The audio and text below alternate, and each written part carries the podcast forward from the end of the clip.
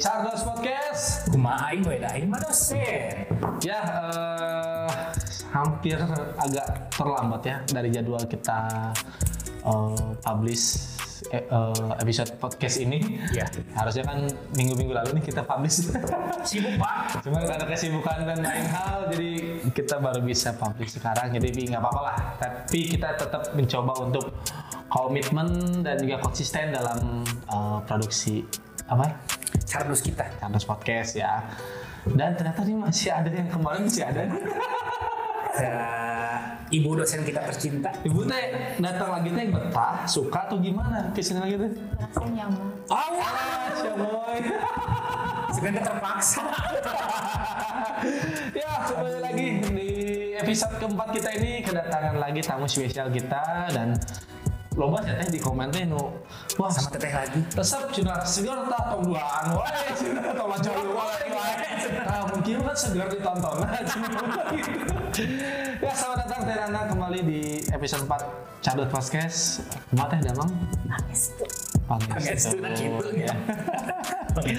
ya jangan bosan-bosan ya kita undang Sok deg-degan soalnya. Aduh, kenapa tuh undang deg-degan? lagi sama dua orang tiba-tiba ya. Kalau kita aja bukan dari kita, tapi dari penonton. Asli. Kita aja yang undang deg-degan, teh. Seriusan, testimoninya dari penonton. Tah, gitu atau resep episode berikutnya harus ada lagi. Cina. Nah, iya, Makanya kita undang lagi di episode keempat ini. Gitu. Ya, biar juga ini pembahasan kita juga tidak hanya dari satu sisi ya. Tuh, dan sudut pandangnya bisa lebih luas lah ya, gitu. Jalur-jalur kan, karena karena gini kan, kadang-kadang wanita mah melibatkan perasaan, kalau laki-laki melibatkan logika. Iya. Benar tuh gitu kan, makanya kadang adanya teh nana di sini sih bisa memberikan warna yang Lebih berwarna dan berbunga. Waduh. Oh, yang merah kan tuh. Ini berwarna apa nih kita nih? Ada Iya hijau, merah. Udah salah kostum, lagi pesta kostum kayak Aduh, pesta pesta kostum. taman. Oh, mentang-mentang Maperta ya? Oh iya, Kita kita, di home base Oh, kita, jadi ya. hawa-hawanya tuh back to nature gitu ya. Kita membumi. Oke, Pak Widi, di episode 4 ini kita akan bahas apa sih? Kita akan membahas satu kasus yang lagi hot sekarang, Bapak. Hot ya. Terkait apa tuh yang hot itu? Yang hot itu tentang adanya pelecehan seksual Pak. Alah, siapa? di ranah eh, universitas. Ya, jadi memang judul eh, episode 4 ini adalah pencegahan dan penanganan kekerasan seksual. Tapi nya kapan meren? Ya sih. Kita beres-beresnya. Ya gimana dong? Sebenarnya ini tuh kalau saya sih melihatnya eh, bisa dibilang laten pak. Laten itu sudah ada dari zaman bahula tapi tidak terdeteksi. Nah, itu zaman wah itu zaman bau itu zaman bahala banget sih sebenarnya mah gitu Istilah cunihin itu kan sebenarnya kan banyak dari zaman dahulu. Punten ini misalkan Teteh sebagai mahasiswa zaman bahula pasti sudah dengan apa sudah Dengan biasa isu-isu dengar gitu dengan isu wah dosen itu mah cunihin misalkan gimana? Ah, iya. Ada kan zaman zaman teteh ya? tapi kalian tau dibahasain Oh jadi dibahas nanti di seksi berikutnya ya Siap, siap, siap. pokoknya tetap stay on Charles Podcast Kuma aing mah da aing mah dosen. Oke Pak, gimana Pak? ya berkaitan dengan pelecehan seksual gitu ya kita sering mendengar pelecehan seksual pelecehan seksual gitu ya tapi kan saya saya yakin sih pelecehan seksual ini pasti multitafsir ya. Ya. pemahaman orang terhadap pelecehan seksual itu pasti beda-beda gitu ya. Betul. Oke kita mulai dari ini deh. Pandangan bapak-bapak dan ibu-ibu. Gitu ya. Ibu, Jangan ibu bapak, om aja deh. Oh, oh, om dan tante. ayo deh sini deh. Tante. Tante. Nakal. Pandangan om-om dan tante-tante my nih. Oh. Aduh, Mas sama Mbak aja tuh biar lebih Oh, iya. rakyat. Mas dan Mbak, Rakyat. ya, dan Teh Nana gitu ya. Jadi terkait pelecehan seksual tuh apa sih dan eh, yang seperti apa sih nih dengan pelecehan seksual deh? Mungkin dari Teh Nana dulu deh. Nah, ya, tadi udah gatel nih. Gimana Oh ya, kalau kata saya sih kalau yang namanya pelecehan sih sebenarnya ada satu tindakan yang tidak merasa nyaman gitu karena ya eh, pelecehan seksual kan tidak selalu fisik ya. Iya. Nah, yang sering saya lihat kan pelecehan seksual secara verbal. Nah itu juga memang eh, kan kalau misalkan kalau cewek kadang seringnya jalan-jalan tiba-tiba tahu ada Nah, Bisaan, bisaan berarti dia oh kan panggilannya teman baso. Lu nggak bisa bener Bang Mawi nih berarti ini seperti itu. Ke mana lanjut deh. Iya itu sesuatu yang membuat tidak nyaman. Jadi kalau misalkan ada tindakan dari orang lain atau kita melakukan hal tersebut dan orang lain merasa tidak nyaman, itu salah satu dari tingkat dari pelecehan seksual. Jadi dari tidak hanya dari fisik aja tidak mesti harus ada apa namanya sentuhan-sentuhan ya, Iya. tapi dari verbal juga sebenarnya sudah banyak.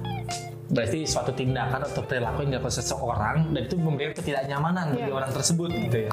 Berarti kita harus bersyukur mas kita memberikan rasa nyaman. Oh iya benar. Alhamdulillah. Berarti Yang kita tidak. nyaman ya. Nyaman sama siapa nih? Oke itu dari Teh Nana. Kalau dari Mas Wid gimana Mas Wid? Setuju sih, saya sangat setuju banget sama apa yang tadi sudah disampaikan oleh Teh Nana. Ya memang eh, apa ya pelecehan seksual ini mungkin juga bisa eh, berhubungan dengan hmm, kalau dibilang tradisi saya takutnya nanti jadinya salah tafsir. Tapi coba bayangkan saja hampir di semua karena kita ada di, di Pulau Jawa ya. Semua bagian eh, Jawa mau di Jawa Barat Jawa Tengah Jawa Timur hal-hal seperti ini tuh sudah hal yang dalam tanda kutip lumrah terjadi. Ngegodain cewek di jalan manggil eh, kalau di Sunda mah nang neng nang neng misalkan nanya mau ke mana nih? Gitu kan. Hal itu biasa terjadi di kehidupan kita sehari-hari hanya saja mungkin yang eh, jadi eh, apa namanya jadi perhatian lebih hal ini terjadi di ranah universitas. Ya notabene orang-orang yang ada di universitas itu adalah orang-orang yang berpendidikan. Gitu. Jadinya yang tadinya ini adalah dalam tanda kutip hal remeh gitu ya. Hal yang biasa terjadi di lingkungan masyarakat Iya. tapi ada di ranah pendidikan. Ini mungkin menjadinya mencoreng citra baik universitas gitu. Tapi kalau saya sih melihatnya pelecehan seksual ini tuh sebenarnya udah eh, dibawa dari beberapa era peradaban. bisa ya. Kenapa saya bilang era peradaban? Zaman-zaman di abad pertengahan, abad 15 kan itu kita mengenal ada istilah eh, perbudakan wanita. Iya. Ya kan benar nggak? Di zaman dulu kan itu tahun seribu berapa Iya. gitu. Terus juga kalau kita misalkan lihat di Jepang itu ada pas dinasti apa ya namanya?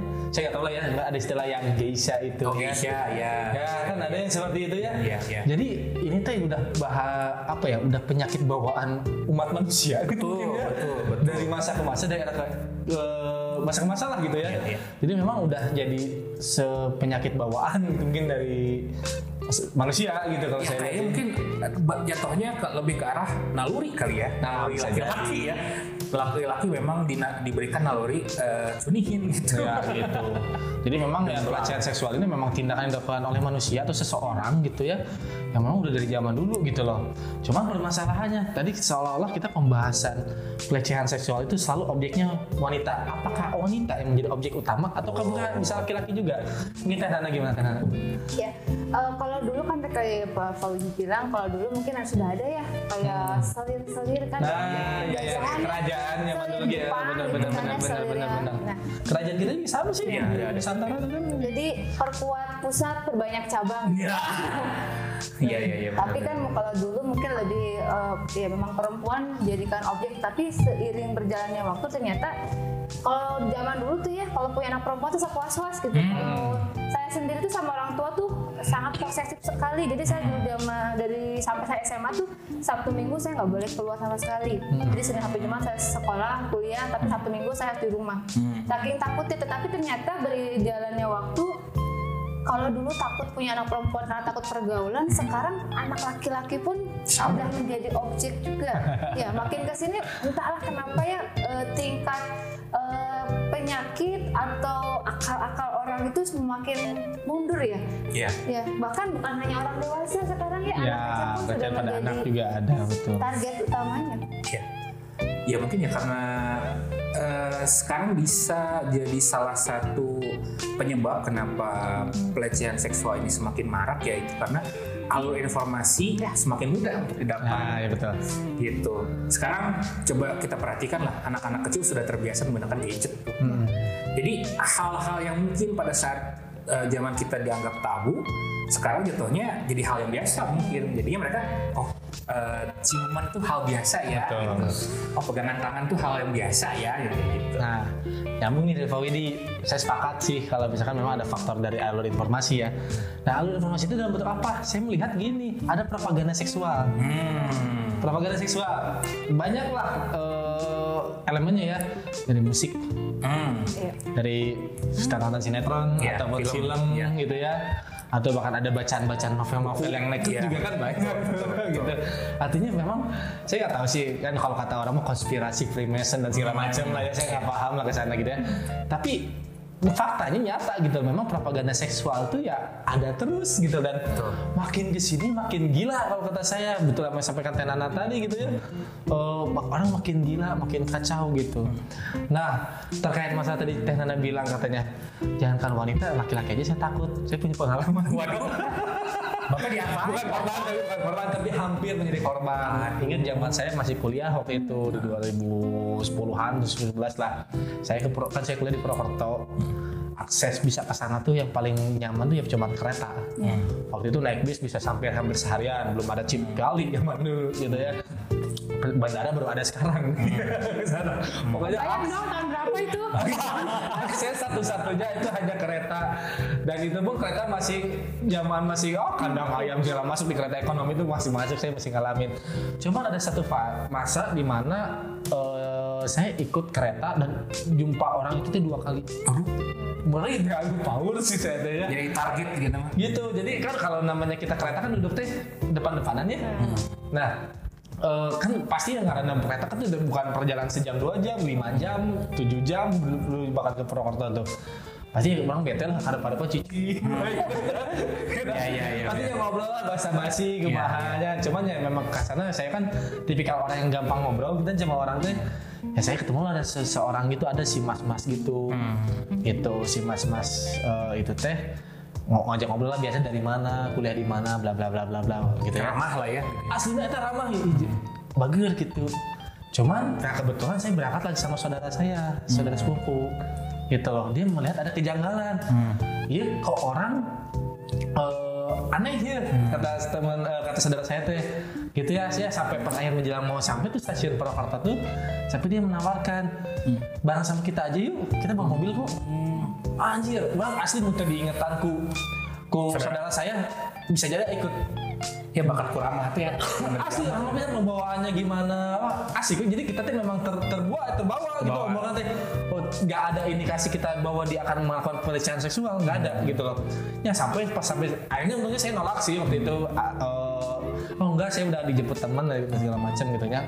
Cuman pas turun di apa teh? Di Kereta. kereta stasiun kereta naik motor. So apa teh? Sepupu saya bilang lu nyadar nggak ada yang sama dia? Kenapa gitu? Kok dia baik sih emang tapi kok kayak kayak kayak lekong gitu, gitu ya. Mulai ya. Kalau curiga dia gay dan gitu saya kalau maksud itu mungkin ikut bisa jadi jadi korban pelecehan seksual.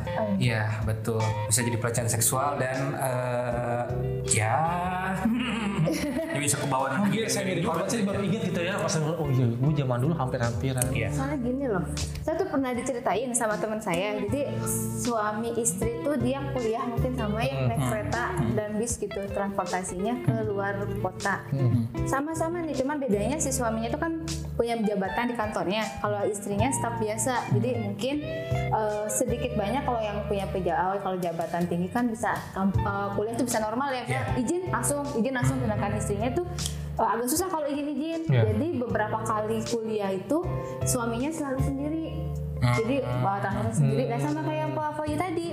Jadi di tengah jalan suka ada teman ngobrol. ya Ternyata eh, selang sampai dengan lulus, entah itu S2 atau S3, saya lupa di atas sekolahnya. Ternyata eh, suaminya ketahuan selingkuh. Sama laki-laki perempuan. Nah itu eh, ternyata selingkuh sama yang laki-laki itu yang sering ketemu. Dan sampai datang kan ke psikolog tuh si kayaknya ya. Ternyata memang kata psikolog tuh bilang eh, cowok laki-laki tuh eh, apa ya menyebarkan untuk menyukai sejenis itu lebih cepat dibandingkan perempuan karena nyaman tadi gitu. iya sih benar Heeh.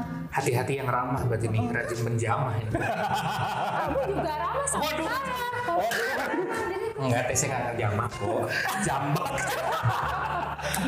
hati-hati cewek-cewek nih kalau berarti artinya korban pelecehan seksual itu tidak harus Ya. hanya wanita ya. Ya.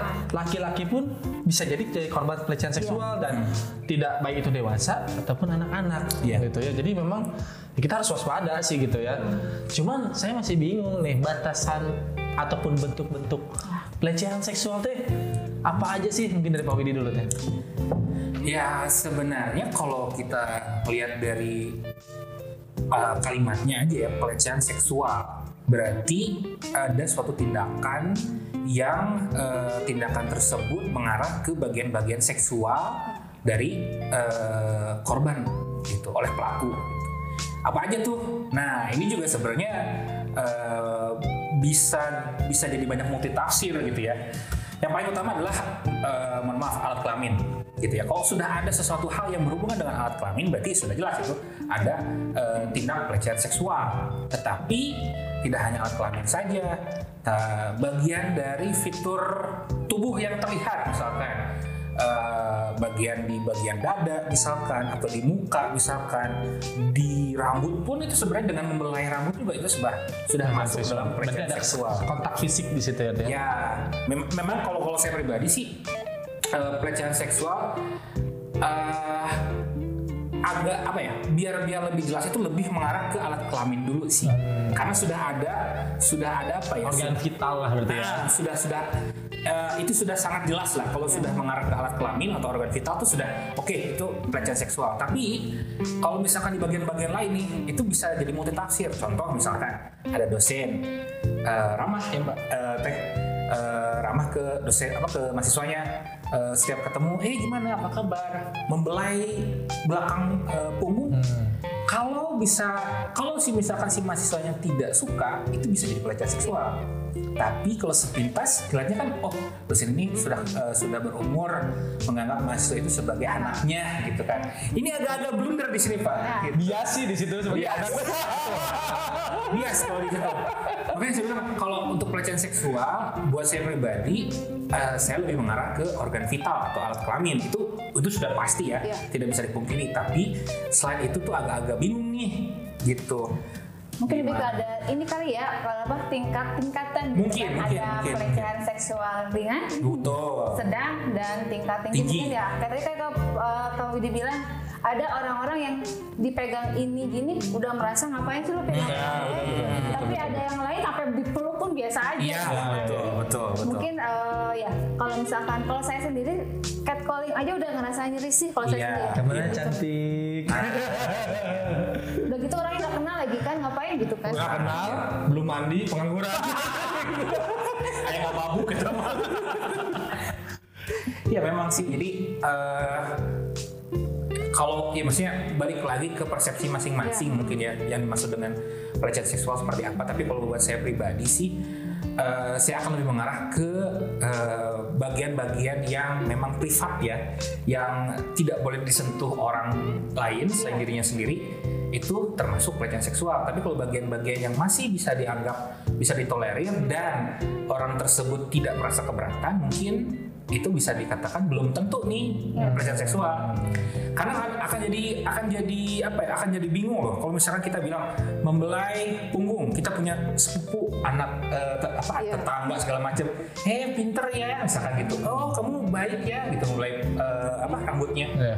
itu bisa jadi wah pelecehan seksual wah pelecehan seksual. Hampir semuanya lah kalau kayak gitu. Dan juga kan di hukum kita yang namanya kalau kita melaporkan atas pelecehan seksual kan Hmm. harus ada visum. nah. Kalau dibelai aja kan nggak ada bekas goretan apa Iya, gitu kan. Tapi kan pas sudah masuk ke dalam dari uh, alat kelamin kan suka- sudah ada bukti. sudah jelas betul tapi ya saya juga kurang jelas ya siapa tahu saya saya juga salah gitu tapi saya ngomong kayak gini ada orang lain yang berpendapat lain tapi ya menurut pandangan saya pribadi seperti itu Tapi kalau penantanannya gimana nih? Bentuk-bentuk pelecehan seksual itu seperti apa sih? Tadi contohnya catcalling kan ya. Terus Pak Widi bilang eh, kontak fisik. Iya. Ada lagi selain itu kira-kira bentuk-bentuk pelecehan seksual? cememes Cemenes. Cememes. Oh, mesra. ya mesum Oh iya, ini cuma teh Ini mesum dong Oh iya sih betul. ya mesum itu paling parah Gimana ya Tenana nih? Iya. Ini Kabit. Sebenarnya kan eh, saya juga pernah jadi mahasiswa ya. Jadi memang kadang beberapa bukan hanya dosen sih kadang kita kan banyak ketemu orang kadang kita ketika kita melaksanakan tugas saya dulu jadi mojang jejaka kang ya Wih, gimana tuh? Tahun berapa dah? 2009 Jalan-jalan ke mana nih? Karawang ya Itu dulu hits banget kalau udah masuk mokat tuh. Saya nggak voting ya? Oh ya. Jadi dulu saya selalu kebagian untuk mendampingi tamu-tamu dari luar kota. Ya. Jadi ah, kalau dulu kan eh, Universitas kan masih swasta ya masih ada kelas malam ya. Jadi pada saat tamu dari luar kota, saya dampingin tuh dia di sini di Kerawang itu selama satu minggu. Jadi pada saat makan malam, mendampingi itu bukan makan dinner berdua ya, tapi misalkan dia dengan ah, apa namanya staff-staffnya, jajarannya gitu kita makan bareng. Saya mendampingi dengan dia kan sepasang ya kalau mau kaya iya. mau jangan-jangan Iya. gitu. Nah tetapi ternyata setelah seminggu itu si bapak ini masih terus nge dulu Oh, BBM ada, ya. ada. Oh ya jangan BBM. Sampai gini, nah di mana saya kuliah pak? Katanya, punten kata saya gitu kan bapak bukannya sudah kembali Iya, gitu iya. kan? Enggak saya sengaja nambah tiga hari. Oh iya kata kuliah di mana? Eh sih pak, uh dicari kan. Nana di mana? Masih masih kuliah kan gitu. Saya depan kampus, wah, depan kampus. Oh udah pulang pak saya. Saya, saya sengaja balas BBM-nya tuh lama. Unsika dulu kan ada jalan pinggir ya. Iya, iya. Saya sampai ke luar situ pak. Dia tuh naik motor. Saya udah pulang pak rumahnya. Uh saya bilang saya di Rengas Dengklok saya bilang. Padahal rumah saya cuma 100 meter kan. Ya Allah. Dan itu terus-terusan hampir se- se- sebelum dia pulang. Dan itu kan tidak hanya satu kali banyak juga gitu. Tapi memang tidak semuanya. Jadi memang semakin banyak bertemu orang gitu kan, mungkin uh, semakin menganggap gitu karena kita baik kan namanya kita kan menjamu tamu Iya, ya. ramah gitu, berusaha untuk ramah. Iya, dan saya rasa eh, saya nggak tahu sih, cuman saya kadang tidak pernah melayani eh, untuk bu- apa namanya eh, WA gitu atau BBM zaman dulu tuh di luar jam kerja lah gitu ya maksudnya Ya, setelah profesional lah ya gitu. setelah selesai dinner ya sudah selesai mau dia WA gimana pun jarang saya balas gitu nggak pernah bahkan tapi tetap aja gitu apalagi itu kan maksudnya saya tidak membuka Peluang. ah, peluang nah tetapi masih aja seperti itu. Mungkin kali ya kalau cowok gimana sih kalau kayak gitu teh Nah, Bapak pak Bapak Fauji mungkin bisa tapi pengalaman sepertinya Pak Fauji itu mantan playgroup. Nggak jadi gini sih, berarti kalau misalkan saya mengutip eh, dari pernyataan Mas Yudi sama Tenana gitu ya, bentuk-bentuk pelecehan tuh ada yang bersifat fisik, ada yang bersifat verbal. gitu ya. Iya. Kalau yang tadi eh, Mas Yudi bilang kan eh, ada kontak fisik dan yang lainnya gitu ya. Dan juga bisa juga berupa verbal gitu ya. Tadi yang Tenana keterusan menghubunginya sampai dia nunggu di depan Unsika padahal tidak ada janji kan Iya. sebelumnya kan. Artinya kan itu juga yang mengganggu ya. Berarti kan artinya eh saya bisa me- mohon maaf tapi kita bukan ahli psikolog ya kita hanya asumsi dan coba menganalisis saja dari saja, pandangan ya. kita sendiri eh, kita semua gitu ya jadi memang pelecehan seksual itu terjadi eh, tidak harus kontak fisik verbal juga bisa cuman itu tadi tergantung dari persepsi kedua belah pihak Betul, gitu betul. ya jadi kalau misalkan eh, mereka menilai itu bukan pelecehan seksual ya fine fine saja. Tapi kalau misalkan memang ada betul tadi yang kata Tenana di awal ada ketidaknyamanan atau tidak suka ataupun hanya satu pihak itu bisa jadi pelecehan seksual gitu. Iya, jadi kalau saya pikir mungkin secara secara luasnya dengan niat saja itu bisa jadi pelecehan seksual. Betul, gitu. Kita mau WA misalkan ke mahasiswa atau sama rekan kerja, niatannya udah jelek nih misalkan mau apa ya? eh, ya genit-genit misalkan, minta-minta pap dong, pap dong misalkan. pap dong, pap dong misalkan. Ya om banget ya. Aduh, tawar ya punya enggak gimana? Udah berapa? Pak bebe dong berapa kan maksudnya Nah maksudnya ya memang yang hal-hal seperti hal-hal seperti itu ya baik lagi nawaitunya gitu. Nawa itu sama Nah, saya nyambung nih Pak Wid nih. Tadi kan kalau Pak Wid memang ada hasrat, berarti terus tadi kan Iya. Tenana juga ya memang dominan korban pelecehan seksual itu adalah wanita, gitu ya. Nah, eh, cuman tadi Tenana nanya, kenapa sih laki-laki kok kayak gitu gitu ya? Nah, saya sempat ngobrol dan sempat baca satu sempat nonton gitu ya. Jadi memang Nonton apa? nonton talk show gitu Oh, lah iya. biasa. Dua garis hitam, bukan dua garis biru. Eh, Eh, jadi memang secara betul apa yang kata Pak Widi disampaikan gitu. Jadi laki-laki itu emang naluriahnya seperti itu. Ya, Gitu ya. Mata keranjang. Eh, jadi memang terhadap wanita bagi yang normal ya ada kecenderungan untuk menyukai seseorang atau apalagi lawan jenisnya memang sangat tinggi gitu ya. Iya. Beda dengan karena laki-laki itu dilihat dari visualnya dulu biasanya. Iya. Kalau wanita kadang-kadang kan bisa menerima seseorang itu dari, dari perasaan kan ya. Dari hati. pak gue. To the point. Jadi jangan macam-macam bapak-bapak. Dompet gua tipis ya kartu doang tuh. Aduh, atau BPJS. Aku mundur alat-alat deh. Sadar ini sadar posisi. Aduh. Ya, eh, jadi seperti itu gitu. Jadi memang naluriahnya seperti itu gitu kan. Eh, ya kalau menyambung sama Kak Fatih ya. Jadi cinta itu didapatkan dengan perasaan, dipelihara dengan penghasilan. Ai. Iya sih. Iya ganteng doang nggak bisa digadein soalnya. Ya, betul. Kalau misalnya emas bisa digadein gitu. ya. Make sense sih, make sense sih. Oke lanjut ya tadi ya. Jadi itu eh, nalurinya. Terus juga saya pernah pernah ikut kajian. Oh kajian. Terus ternyata Jemaah, jemaah. jemaah. Ustaz Halid apa ya online gitu. Jadi eh mohon maaf ya kalau misalkan bahasanya kurang ini. Jadi Ustaz itu mengatakan bahwa entah itu hadis entah apa apa gitu ya. Jadi sperma pada laki-laki itu adalah memang bawahnya panas. Waduh. Siap. Benar ada itu gitu. Jadi memang karena kita mengandung sel sperma nih di kita tuh itu tuh bawahnya panas. Kenapa itu harus dikeluarkan gitu ya? Eh ya itu karena memang itu yang menyebabkan eh, mempengaruhi hawa nafsu dan juga eh, naluri lelaki gitu loh di situ. Jadi memang eh, laki-laki itu ada nalurinya seperti itu. Cuman itu semua bisa dikendalikan apa? Dengan edukasi. Iya, Saya iya. melihatnya itu. gitu. Saya mungkin bisa bisa menambahkan sedikit. Sebenarnya kan kalau ya saya juga bukan ahli agama juga ya. Tapi kan menurut ajaran agama yang kita anut eh, bersama-sama ajaran Islam bahwa salah satu gunanya wanita menutupi organ apa bagian-bagian Tertentu. tertentu eh, dengan baik itu kan untuk men- apa ya menanggulangi hal ini bisa terjadi. Tapi yang jadi masalah eh, Mas sama Teteh sekarang mau full juga itu bisa dijadi Ya itu faktanya ternyata wanita berhijab, Berhijab pun bisa malah dijadikan banyak korban pelecehan seksual Betul. gitu. Jadi ya mindset sih. Dan saya juga sebagai laki-laki nggak setuju dengan pendapat seperti itu ya. Kadang-kadang kan suka, ah dasar ceweknya aja ngumbar gitu loh. Enggak. Ulah lah bro, kalau Enggak, gitu dasar gitunya kumaha. Ya taruh otak mana ya, mesum gitu. Karena mau dikerudungin, nggak dikerudungin, balik lagi ke orang Iya, ya. otak dan fungsi kontrol dalam diri lo apa? Saya saya saya temu nafik laki-laki melihat cewek cantik, oh ini gelis gitu Nah, ya. Tapi wajar. Mau sampai mana gitu loh? Iya. Lu ada kontrol ada pada diri lu Iya. gitu loh. Kemauan mah ada, tapi kayak itu apa namanya? Kemampuan. Ini sih masalah duit ampun.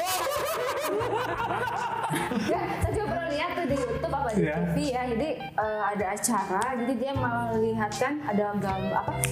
Pakaian. Hmm. Pakaian justru tebak ini gimana ternyata pakaian-pakaian yang dia diperlihatkan itu adalah pakaian-pakaian korban kekerasan seksual. Hmm. Dan kalian tahu yang eh, baju-baju yang diperlihatkan tuh baju seragam SMA yang memang panjang bawahnya kan kakak kan pakai panjang Hmm. Iya, iya, sekarang iya, ya. panjang sekarang. Kemudian baju-baju biasa gitu sampai ada yang baju-baju anak kecil dan rata-rata semua baju yang dipampang itu tidak ada sama sekali yang Terbuka eh, gitu ya? minim Oh, gitu yang iya. terbuka. Ya berarti kan yang tadi yang bilang itu nggak tidak hanya memang sih seba kan dari, dari semuanya kan kalau laki-laki itu kan dilihat dari mata dulu ya Betul. memang mata itu sama mempengaruhi Betul. isi hati dan isi yang lainnya kan Betul, Gitu bagi kan. laki-laki itu.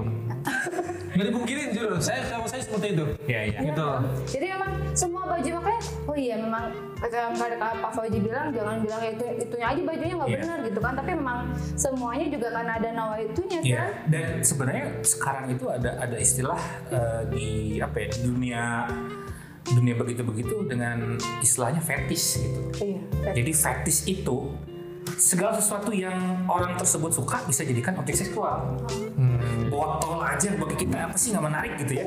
Bisa jadi objek seksual Iya buat sih, mereka gitu. Jadi cover apa pun juga, kalau menurut saya itu tidak akan menjadi tameng sebenarnya. Balik lagi ke orangnya. Zaman nges edan bener ya nama nges keluar ah gimana ya Gitu. Ya, itu tadi sih kenapa itu terjadi itu tadi propaganda seksual yang dicekokin terus sampai akhirnya video klip musik barat Ya. Ya. Saya ingat banget di 90 masih biasa-biasa ciuman ya. 2000 masih peluk gimana. Sekarang 2020 ke sini, 2010 ke sini rata-rata adegan ranjang semua kan rata-rata hampir dominan.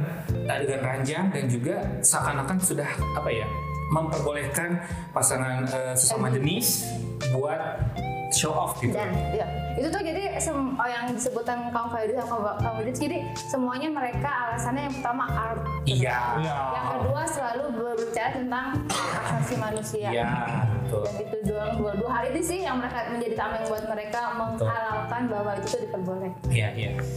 Iya dan itu satu ya terus juga eh, terkait itu tuh sekarang fasilitas-fasilitas kayak gitu tuh makin banyak gitu ya. Hmm.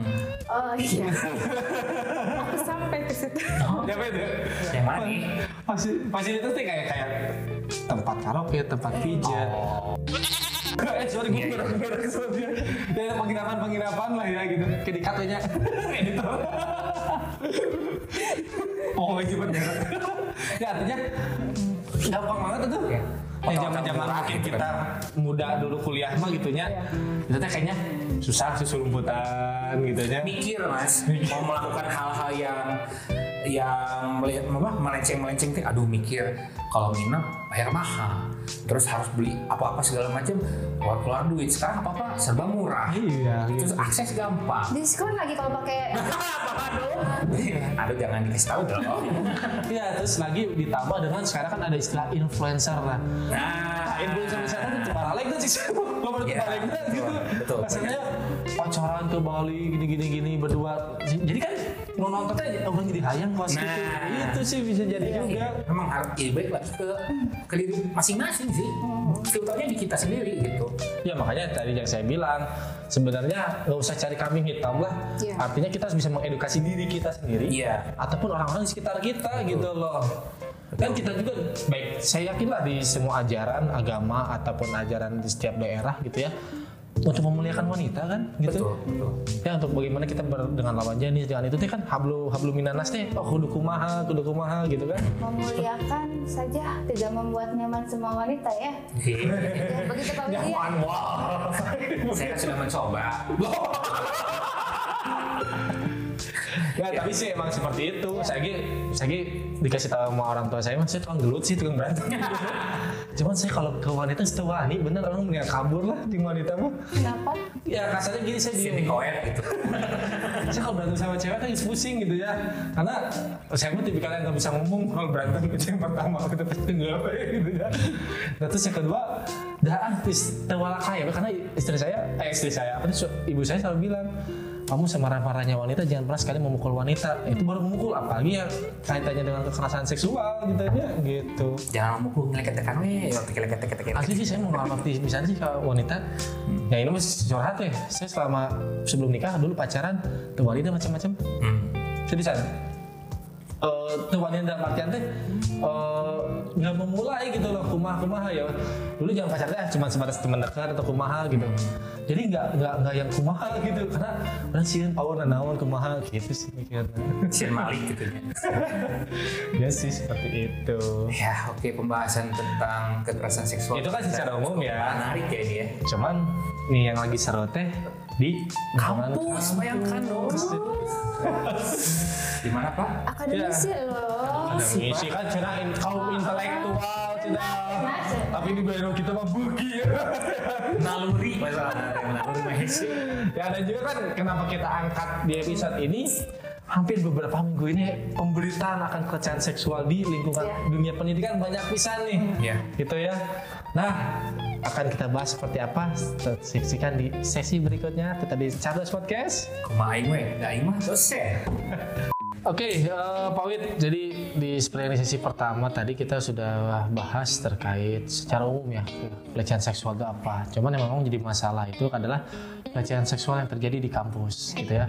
Dan kita angkat topik ini pun itu tidak lepas dari pemberitaan media yang banyak banget nih.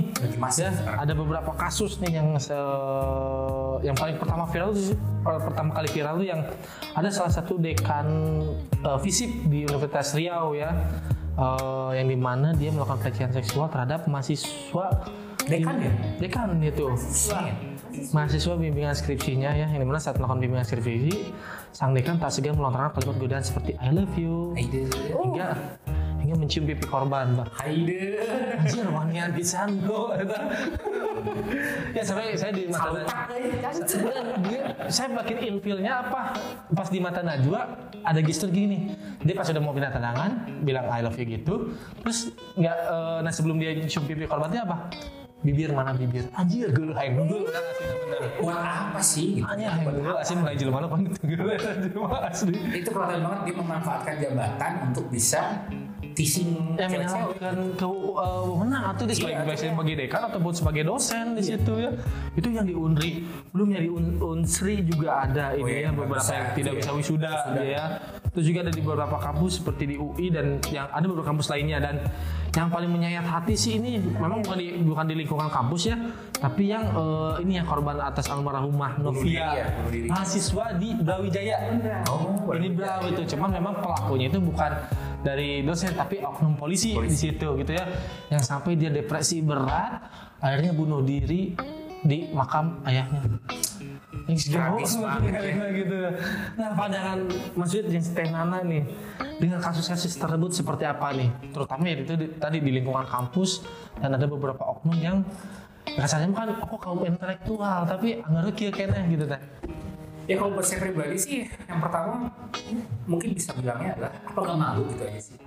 Apa nggak malu itu sebagai seorang pendidik, sebagai seorang yang diberikan amanah untuk eh, mengajarkan apa ya edukasi yang baik dalam segala macam bidang, tapi di sisi lain dia eh, melakukan hal-hal yang eh, menyimpang gitu.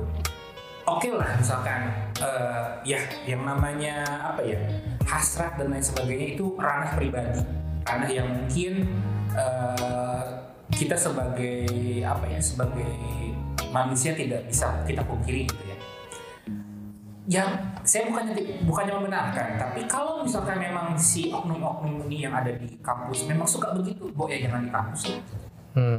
jadi ja- jangan sampai kampus jadi tercoreng-coreng gara-gara terjadi di kampus gitu. Tapi kalau misalkan dia melakukannya mau di mana di pub kayak apa nggak terserah. Itu kan Urusan personal urusan dia lah, personal gitu. kan. Tapi kalau saat sudah menyangkut dengan lembaga dengan institusi, jadi semuanya kena. Iya betul. Itu yang akan jadi masalah. Ji codeka benang kabel. Iya. Karena inilah si titik eh, rusak belanga gitu. Nah, Itu sih yang kalau yang saya lihat. Tenana gimana Tenana?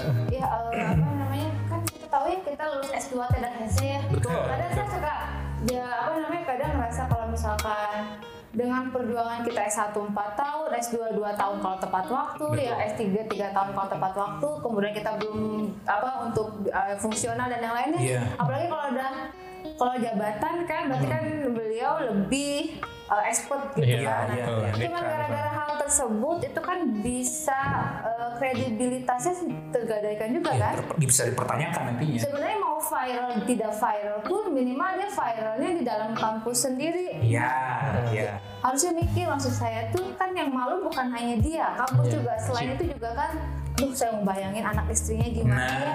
Apalagi kalau misalkan viral gini, coba bayangin anaknya searching berita tentang Iya, foto, iya, benar, tulis nama bapaknya pas keluar tuh isinya tuh skandal atau Iya. pelecehan seksual. Aduh gimana rasa hati anak-anaknya Iya, gitu betul, kan? betul. masalahnya kan eh, seseorang yang eh, anak itu kan selalu ah, saya sama jadi ke anak saya kalau nyari suami itu minimal kayak papa kamu gitu Widih. ya karena anak saya perempuan Ya, mungkin kalau anak eh, laki-laki kalau nyari suami istri itu minimal kayak mama Hmm. kamu gitu nah orang yang jadi panutan ternyata malah Oh ya, eh, sip. etikanya Ya menyakitkan karena kan anaknya role gitu. model anak tuh orang tuanya biasanya. Iya, iya, iya. Ya itu jadi ya balik lagi kalau kalau kita lihat eh, apa ya kasus-kasus yang terjadi saat ini sebenarnya yang yang dirugikan eh, banyak itu ya institusi sih, Iya. lembaga. Kalau dosen itu kan bagian ya, bagian dari lembaga. Jadi kasarnya mah dia mau jelek mau segala macam selama bisa, dia bisa dipicu. Ah, selama dia tidak di institusi, oke, apa-apa. Tapi masalahnya dia melakukannya di institusi gitu. Dan dia mau eh, pimpinan suatu fakultas gitu. Ah, itu coba kebayang dong kalau misalkan suatu pimpinan fakultas melakukan hal, -hal seperti itu. Iya sih. Apakah itu terjadi pada banyak mahasiswa atau Iya. tidak? Gitu. Ya, tapi kalau pandangan saya nih sama halnya seperti korban. Korban itu bisa siapa saja. Iya. Begitupun pelaku. Betul. Pelaku itu bisa siapa saja gitu ya. Baik dewasa, baik eh, anak-anak, baik laki-laki atau baik wanita itu sangat mungkin terjadi sebagai pelaku Iya. pelecehan seksual Iya. gitu ya baik itu dia profesor dokter ataupun kasarnya eh, apa ya tidak berpendidikan sekalipun juga sangat mungkin terjadi gitu. Jadi siapa pun bisa menjadi pelaku gitu ya. Cuman kembali kita ke lingkungan kampus nih ya. Kampus itu kan artinya eh, lingkungan akademik ya akademisi yang di mana kita tuh salah satu tugas seorang akademisi adalah mendidik. Ayo kebaikan didik mahasiswa mereka itu tidak terdidik. Benar nggak? dalam hal ya pendidikan moral di sini kan dasarnya gitu. Ya, itu yang sangat disayangkan gitu. Eh, apa namanya aura pendidikan yang ada di lembaga pendidikan malah jadinya tercoreng gara-gara kelakuan segelintir oknum. Jadi agak ini sekarang mas semakin tinggi eh, pendidikan tidak menjamin etikanya itu berbanding Oh, cakep banget. Iya. Cakep banget. saya sering ngobrol tuh sama eh, OB teman-teman OB teman-teman satam gitu. Bu sekarang mah aneh ya ada titel panjang-panjang cina ya. Belum lagi titel profesi dan yang lainnya ya. tapi kelakuan si ganau Iya. katanya gitu. Kan kalau di agama tuh kadang kalau saya eh, suka sama teman saya kan sholat itu menjaga Dari perbuatan ya, mungkar. apa, apa eh, perbuatan yang munkar ya. Iya. jadi ada yang dibalik lagi. Kalau perbuatan yang munkar bagaimana dengan sholatnya? Kan gitu. Ada korelasi ya. ya gitu ya Ya, sekarang saya ber- berarti Eta kuliah tinggi-tinggi jenah Gitu kasar nama. nggak ada kantin hukum ini Iya, jadi memang menyambung dari Tenana ya. Jadi kudunanya semakin dia banyak ilmu yang dia dapat tuh harusnya banyak semakin banyak pelajaran yang dia dapat gitu ya. Makin mau sendiri. Iya, Iya. Iya. Karena kan kita di dalam pendidikan pun dalam pembelajaran itu sebenarnya tidak hanya berbicara pen- eh, hard skill saja, kita belajar juga soft skill dan juga eh, apa tuh spiritual ki- eh, skill, Skill. gitu ya. Ya gi- gimana kita teh bisa berhubungan dengan orang, menjaga batasan dengan orang gitu ya di situ teh harus ada terus juga berkaitan dengan etika gitu loh. Seperti yang eh, kita bahas di episode 2 itu tentang interaksi dosen mahasiswa dan teknik. Jadi emang sebenarnya dunia kampusnya sangat rentan nih. Itu pertama, terus kedua juga sangat dinamis ya gitu ya. Berbagai ini ada di sini gitu loh. Jadi kalau misalkan kita tidak menjunjung etika, baik itu etika dosen, etika mahasiswa, itu ya yang terjadi sangat terjadi, terjadinya kemungkinan terjadinya pelecehan seksual Iya. gitu. Iya, memang memang dibutuhkan adanya filter, adanya apa ya? eh, bukan pendidikan lebih ke arah eh, pemahaman bahwa hal-hal yang seperti ini tuh sebenarnya tidak tidak apa ya tidak layak lah Itu patut lah kasarnya. ya, untuk ada di, di ranah eh, universitas. Iya. Walaupun ini walaupun ya eh, teh mas katanya hal-hal seperti ini tuh adalah hal-hal yang sudah lama terjadi di eh, dunia eh, perkuliahan. lumrah apa kesalahan yang dibiarkan. Kalau saya lihat mungkin ini adalah kesalahan dibiarkan karena apa? Saya waktu itu eh, eh, nonton dari Najwa juga nih. Eh, eh bukan Najwa, sorry. Eh, Deddy Kobuser eh, ngundang Mas Nadim. Kenapa Mas Nadim mengeluarkan eh, perpu baru itu ya? Iya. Karena ternyata ini adalah suatu eh, gunung es dari semua hal yang sudah lama terjadi Oh ya. eh, di dunia perkuliahan dan itu seakan-akan diabaikan. Kayak kamu disebutkan, tapi ini makin macam-macam ngobrol up Nah, gitu itu. ya. Nah makanya sekarang Nadim ini sedang berupaya gimana caranya agar hal-hal ini tuh bisa diluruskan gitu. Yang tadinya apa ya eh, kekerasan seksual, terus misalkan maaf ada beberapa dosen juga memanfaatkan posisi Iya. dia sebagai Iya. bisa dosen pengampu, bisa sebagai dosen apa yang memberikan nilai punya kewenangan Nah, Iya, dia iya. bisa bilang kayak gini misalkan, oke nilai kamu bagus tapi bla bla bla bla bla bla. asal saya Asalkan temenin saya karaoke ya. Tapi habis dari karaoke kita ke Kayak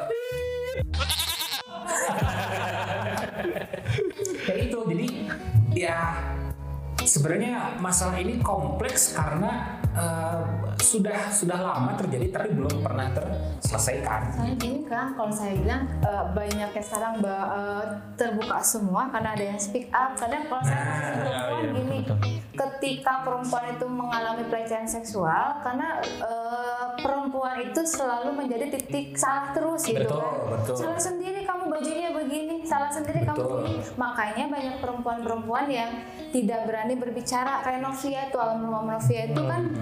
Saking depresinya jadi kalau perempuan sudah perempuan-perempuan ada beberapa perempuan yang memang disentuh saja sudah merasa oh, saya ternodai Iya, dan lainnya. Nah, jadi ketika tidak ada tempat untuk berbicara, ketika mereka berbicara tidak didengar, bahkan disalahkan karena selalu yang jadi kan bilang objek itu selalu perempuan, Perempuan, dan ya. Perempuan selalu menjadi objek yang disalahkan. Jadi mereka kadang bilang diem aja, paling ceritanya sama teman-teman juga sama juga kan teman-temannya juga udah bilang aja bilangnya tapi kan pertama mungkin kalau bilang dulu tidak ada bukti. Iya, Yang kedua takut soalnya ini punya jabatan ABCD. Nah. Soalnya si ini anaknya ABCD Iya, gitu kan. Nanti gimana dengan pendidikan saya? Nah. Gimana dengan Nilai. ya, nilai saya dan yang lainnya. Jadi memang karena tadi ketidak maaf tidak mampu ketakutan Iya. untuk speak up itu Betul. Dan sebenarnya juga ada satu hal yang menarik adalah tadi kalau kita membahas kekerasan seksual. Iya. Tapi apa yang terjadi di- jika eh, oknum-oknum ini baik mahasiswi ataupun dosen ataupun mahasiswa dengan dosen yang ternyata mereka saling eh, sanang sinawang, sanang sinawang tuh no problem misalkan. Oh. Eh, saya Simbiosis lah. Simbiosis lah misalkan. oh ya Nah, hal ini apakah sudah mulai tercantum di undang-undang eh, yang di planning sama si Nadiem nih? Kayaknya belum deh. Karena saya berarti gini, oke lah itu hal-hal yang pribadi ya, maksudnya bukan ranah untuk eh, didiskusikan. Cuma masalahnya terjadi di lingkungan kampus gitu. Itu Nah, saja sih, sebenarnya sih. ini kalau untuk yang masalah itu mas jadi entah gimana gitu ya ada poin apa yang katanya mah kalau suka sama suka nggak apa-apa nah, tapi ada yang kata koreksi kalau saya salah ya cuma nah begitu ada yang melempar isu katanya wah menteri pendidikan cara melegalkan zina dan Ya, segala liberal macam. gitu kan, liberal. saya kayak bingung sih itu gimana ya tafs- penafsiran hukumnya seperti apa betul. gitu cuma memang eh, ternyata fakta di lapangan banyak fenomena terjadi seperti itu gitu ya dan juga ya kalau saya lihat sih ya eh, inter- terutama interaksi dosen dan mahasiswa lah ya paling ini ya dengan teknik pun ada sih cuman yang sangat tersorot itu kan dosen dan mahasiswa nah dari se- sekian ki- kita interaksi antara dosen dan mahasiswa dari setiap kegiatan kayaknya memang yang paling sangat rentan terjadinya pelecehan seksual itu adalah di saat bimbingan skripsi Oh, Pasti sih itu karena apa? Kalau kuliah kita sudah satu kelas tuh Iya. mereka macam-macam mesti kenyawan Iya, gitu iya. kan gitu. Nah tapi kalau untuk bimbingan skripsi, PKA dan yang lainnya, kayaknya itu menjadi celah yang besar bagi si cunihin itu Iya. untuk melakukan pelecehan seksual. bimbingannya hari minggu di rumah saya Dia mau berapa bulan? bimbingannya di apartemen aja ya. jam tujuh malam kenapa rohani Makanya saya kalau misalkan bimbingan saya mencari tempat keramaian halte misalkan. Kalau di pasar sekali ya. Ya memang sih. Ya kan Benar nggak tapi apa yang saya sampaikan? Iya itu kan? yang paling rentan sih. Betul, karena ingat aja bahwa di antara eh, dua insan manusia laki dengan perempuan tengah-tengahnya adalah Satan. Nah, Ya, ini bimbingan adalah sang apa eh, satu tempat ya, satu tempat, satu wahana di mana goda-goda goda-goda setan itu bisa terjadi. jadi saya tante can napi tadi itu udah ulang malam sama Ada mana lebih setan. Ya itu jadi ya itu sih ya ini mah apa ya cuman cuman eh ba- apa namanya eh, pengamatan saja gitu. Analisis analisis saja gitu. Kalau misalkan kita hanya membahas ke apa namanya kekerasan seksual banyak ternyata ragam kekerasan seksual teh gitu. Selain itu juga ada hal-hal yang tadi saya sampaikan. Kalau misalkan antara dosen dengan mahasiswanya itu no hard feeling gitu misalkan ya gue juga sama-sama menikmati misalkan itu bagaimana? Itu itu belum belum sampai sana pembahasannya dari dari pihak eh, Nadiem. Perpu ya? ya perpunya gitu. Tapi tadi kan kita ngomongnya Oh kampus lain, di kampus kita ini sih Orang mikir tadinya gitu, ah, itu sih gitu. Orang pernah polos sih, ada orang yang ngomong. Nah, itu kayak dari ibu sendiri deh Iya. Kira-kira ada kayak gitu? sekarang gini aja kita ber, apa namanya bersumber dari apa yang dinyatakan oleh eh, Pak Nadim ya si Mas Nadim bahwa eh, menurut pantauan beliau hampir semua kampus di Indonesia itu ada kasus seperti ini. Nanti kemungkinannya ada. Kemungkinannya ada ya, bukan saya bilang loh, Pak Nadiem ya. Nah, bagaimana gimana itu saya kurang tahu. Dan saya juga tidak mau menduga ya. Ini kan hanya apa yang dikatakan oleh eh, beliau gitu. Ya, ini akan jadi PR sebenarnya sih PR kita bersama sih gimana caranya hal-hal ini bisa semakin dikurangi lah. Kalau bisa sama-sama nggak nggak ada lah gitu. Kalau Nana gimana? saya belum pernah melihat langsung ya tapi meskipun nanti ada sebenarnya kalau ada terus cuma dilaporkan dan selesai saya rasa akan muncul Lagi? ya un- unri-unri yang lain, Iya. usia-usia atau novia-novia yang lain gitu. Jadi mungkin sam- eh, sampai detik ini saya belum melihat ada kampus mana pun yang misalkan jika terjadi pelecehan pada mahasiswa maupun dosen itu tindakannya A B C D gitu belum ada eh, bukti tertulisnya gitu hukum tertulisnya jadi mungkin itu yang menjadi salah satu celah Ya, Kalau saya masih di kampusnya ada. Kenapa saya do- pernah dengar info ada satu dosen yang dipanggil oleh rektor. oh ya Waktu itu gara-gara malah ada apa gitu ke mahasiswa teh saya dipanggil. Ada waktu masih rektor sebelumnya dengan sekarang. ya berarti itu bisa jadi cerminan sebenarnya eh, bahwa eh, jika seseorang diberikan suatu kewenangan, punya power, dia lupa diri, dia merasa dia bisa melakukan apa saja, di saat lupa diri, eh, nafsu berkecamuk nih. Ada objek yang bisa dijadikan eh, ladang untuk penyampaian nafsu, yaitu dia gunakan.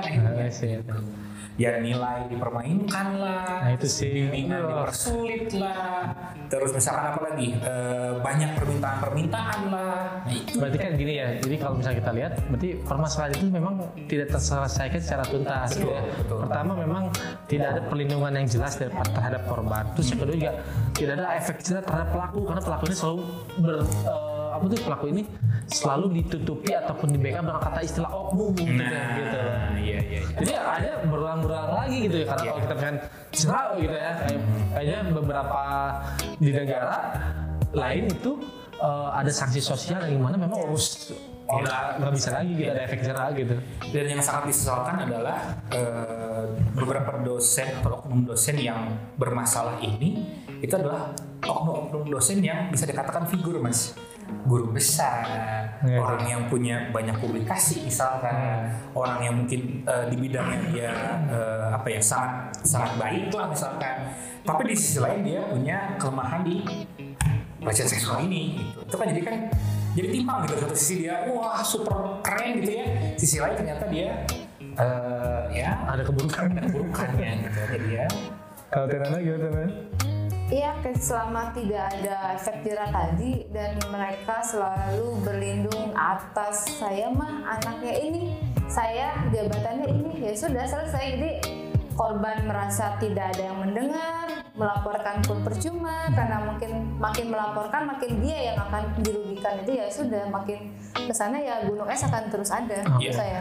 Jadi konkretnya nih untuk mengatasi permasalahan itu di eh di kampus lah khususnya ya kita kira-kira perlu upaya apa sih Kak? rukiah masal Bos, jadi lagi sih ya.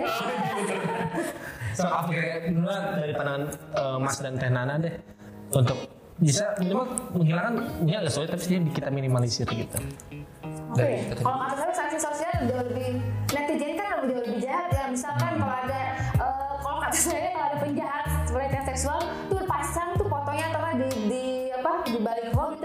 spanduk di depan ini adalah eh, pelaku pelecehan seksual kan semua orang yang lewat kampus kan kelihatan kan itu jauh lebih menyiksa dia kalau saya sih dibanding di penjara Sanksi. sepertinya. Nah kalau saya pribadi mungkin, ya mohon maaf nih sebelumnya, kan ini dari dari kasus yang beredar itu kan kebanyakan dosen-dosennya sudah senior ya. Mungkin kalau dosen senior itu Ada sih yang muda juga sih. Ada juga ya? Hmm, banyak. Ya, eh, tapi kita melihat eh, dibanding apa namanya bisa dibuat jadi dua kategori. Misalkan yang bermasalahnya adalah dosen senior senior eh, bisa diberikan eh, apa sanksi tegas. Karena untuk merubah eh, apa ya pribadi senior kayaknya susah. Apalagi senior seniornya misalkan yang super power misalkan sama nih gitu kan, saya lebih pintar dan lain sebagainya kadang-kadang seperti itu. Nah, mungkin untuk eh, dosen-dosen baru mungkin pada saat penerimaan dosen baru ada hal yang harus ditambahkan selain tes-tes yang dilaksanakan oleh BKN misalkan misalkan eh, di tes psikologinya Oh iya sih betul betul betul. tes betul. psikologinya psikolog itu bukan berarti kemampuan dia untuk mengajar tapi kecenderungan dia untuk menjadi predator seksualnya ada di sana Betul. gitu. Jadi ada filter di Ada awal. filter di awal gitu. Nah, terus buat dosen yang sudah berjalan, dosen muda yang sudah berjalan, ya mungkin bisa diadakan eh, pertemuan-pertemuan yang bersifat agama, misalkan gitu ya. Yang gunanya adalah untuk ya apa ya? Biar Refleksi. refleksi diri, biar mawas diri gitu. Itu mungkin. Oke. Kalau dari saya sih, jadi kan memang eh, pelecehan seksual ini menjadi sudah isu yang sangat besar ya, gitu. Terutama di lingkungan pendidikan. Tadi jadi memang apa yang diupayakan kalau kata Tenana sanksi sosial, terus misalkan dari Pak Widi tadi ada semacam eh, pengendalian dalam berupa tes psikologis gitu ya. Yang jelas kan pasti semua itu akan terkontrol dengan aturan ya. Iya, iya. Nah, jadi mungkin agak diperketat lagi bagaimana terkait aturan etika dosen dan juga mahasiswa itu seperti apa sehingga untuk meminimalisir hal-hal terjadinya pelecehan seksual itu tadi gitu ya. Terus juga kalau saya sih melihat juga harusnya ada pengawasan dan kontrol. Iya, iya. Ya, entah itu dari lembaga luar ataupun dari di dalam itu sendiri ya sehingga SPNI berarti ya. Ya apa pun itulah namanya gitu ya. Artinya ada pengawasan baik itu nanti dalam kuliah Ya. ataupun dalam bimbingan skripsi sehingga di saat memang ada yang melanggar itu bisa terpantau gitu ya. Dan itu tadi kalaupun misalnya naujubillahnya terjadi gitu ya eh kita ada perlindungan terhadap korban yang jelas Ya, gitu. betul. jangan sampai kayak ada beberapa kasus tadi yang di Unsri soal con- contohnya gitu ya dia sampai tidak boleh wisuda dan segala macam gitu kan ya. Nah itu harus ada perlindungan yang jelas gitu ya. Dan juga tadi untuk pelaku juga harus ya diberikan sanksi yang jelas gitu loh. Jadi biar tidak ada pelaku pelaku lainnya gitu ya. Dan yang paling penting juga ya itu tadi pembinaan SDM itu sangat penting Ya, kan harus Gitu ya. di awal gitu. Nah, itu salah satu tes mas, tapi kalau tes saja tidak cukup kalau menurut saya. Bisa jadi yang orang yang tidak tadinya tidak, Jadi iya. bisa jadi iya. Iya. Karena keadaan Iya, iya, ataupun iya. lingkungan bisa jadi ada seperti itu. kesempatan Artinya harus ada pembinaan, pembinaan gitu ya, baik itu untuk dosen ataupun untuk mahasiswa gitu loh. Dan juga sebenarnya eh, untuk dosen-dosen yang dekat dengan mahasiswa ini juga sebenarnya harus sangat berhati-hati itu. Eh, itu tadi yang tadinya mungkin dosen tersebut tidak ada pikiran aneh-aneh bisa jadi aneh-aneh gitu karena banyak hal lah gitu. Ya jadi kalau misalnya ruang geraknya kita makin terbatas sehingga jadi masalah-masalah tadi di di bimbingan skripsi ada yang eh, apa tuh yang nakal segala macam itu ya bisa ditangani gitu. Tapi mudah-mudahan selesai lah semua jangan ada-ada lagi me- mencorengkan citra dosen. Iya. Lo jangan kamu lu ngomong gitu. Wah, ini dosen cabul ya PSS. gitu. Ah, sorry sih Lea. Matanya playgroup soalnya teh. oh my god Terus gitu kan jadi kan artinya jadi kalau mau represi dosen gitu ya gitu jadi saya ki- harapan kita lah permasalahan pelecehan seksual di baik di lingkungan kampus ataupun di luar sana itu harus bisa diselesaikan dan juga ada kejelasan lah ya untuk kasus ini sehingga jangan berulang-ulang lah gitu. Ingat tidak semua dosen itu seperti itu. ya Lebih. Oke. Oke lah, kita udah cukup panjang nih, bisa hampir satu jam edisi spesial bahas ini. Soalnya nih sangat hot, hot, hot, hot. Mungkin closing statement lah dari Pak Widi mungkin mengenai Ya intinya mas segala sesuatu itu bisa terjadi kalau ada kesempatan. Jadi kita sebagai dosen harus banyak mawas diri dan mahasiswa sebagai eh, yang dididik oleh dosen juga harus lebih berhati-hati kalau kalau misalkan ada beberapa oknum dosen sudah meminta banyak hal yang aneh-aneh gitu aja. Ya. Sip. Kalau? Ya, ketika sudah ketemu yang aneh-aneh, jelas speak up ya, bilang minimal sama dosen walinya. Sama Tenana misalkan. Ya, silakan. Ya sih benar ada perlindungan seperti itu sih. Iya. speak up aja sih. Ya kalau dari saya sih pokoknya edukasi diri eh, diri kalian dan orang-orang di sekitar kalian lah gitu ya. Dan juga selalu mendekatkan diri kepada yang di atas lah insya Allah. Ya senakal-nakalnya kita kalau kita ingat Tuhan mah insya Allah airnya sedetik lah. Gitu kali. Saja udah di episode kali ini. Terima kasih banget nih Teh Nana sudah hadir lagi. Bisa. Kalau diundang lagi bosan nggak? Apa bahasannya dong? Eh, kita akan membahas segala sesuatu yang eh, apa ya panas dulu atau gimana Pak Fauzi? Pokoknya lembut-lembut lah yang mesra-mesra. Kita belum bahas itu masalah apa namanya Kehidupan eh, percintaan. percintaan di kampus. Oh, boleh. Nah, mungkin Siap tuh. Oke, kapan? Gas. Langsung ke Veratos. Ya. Oke, terima kasih yang sudah menonton. Jangan lupa dan subscribe dan juga mungkin di share ke teman-temannya yang belum nonton di Charles Podcast ya. Ya inilah uh, salah satu bentuk diskusi kita yang mungkin bisa memberikan insight bagi para penonton semua. Walaupun memang ada yang uh, kita sampaikan kurang berkenan atau yang sesuai ya mohon koreksinya gitu ya. Ya. Karena di sini juga kita bukan expert, kita hanya coba diskusi ringan lah. Kita mah hanya berbagi saja. Siapa tahu hasil berbagi kita ini bisa memberikan eh, pengalaman, pendidikan, bener? Iya. Kan namanya juga sehari-hari dosen, jadi obrolan ringan dosen aja ini mah gitu ya. Jangan dianggap serius. Iya. Oke, terima kasih banyak. Uh, see you in next episode. Tetap di Santos Podcast. Kumaha aing we aing mah dosen. Bye.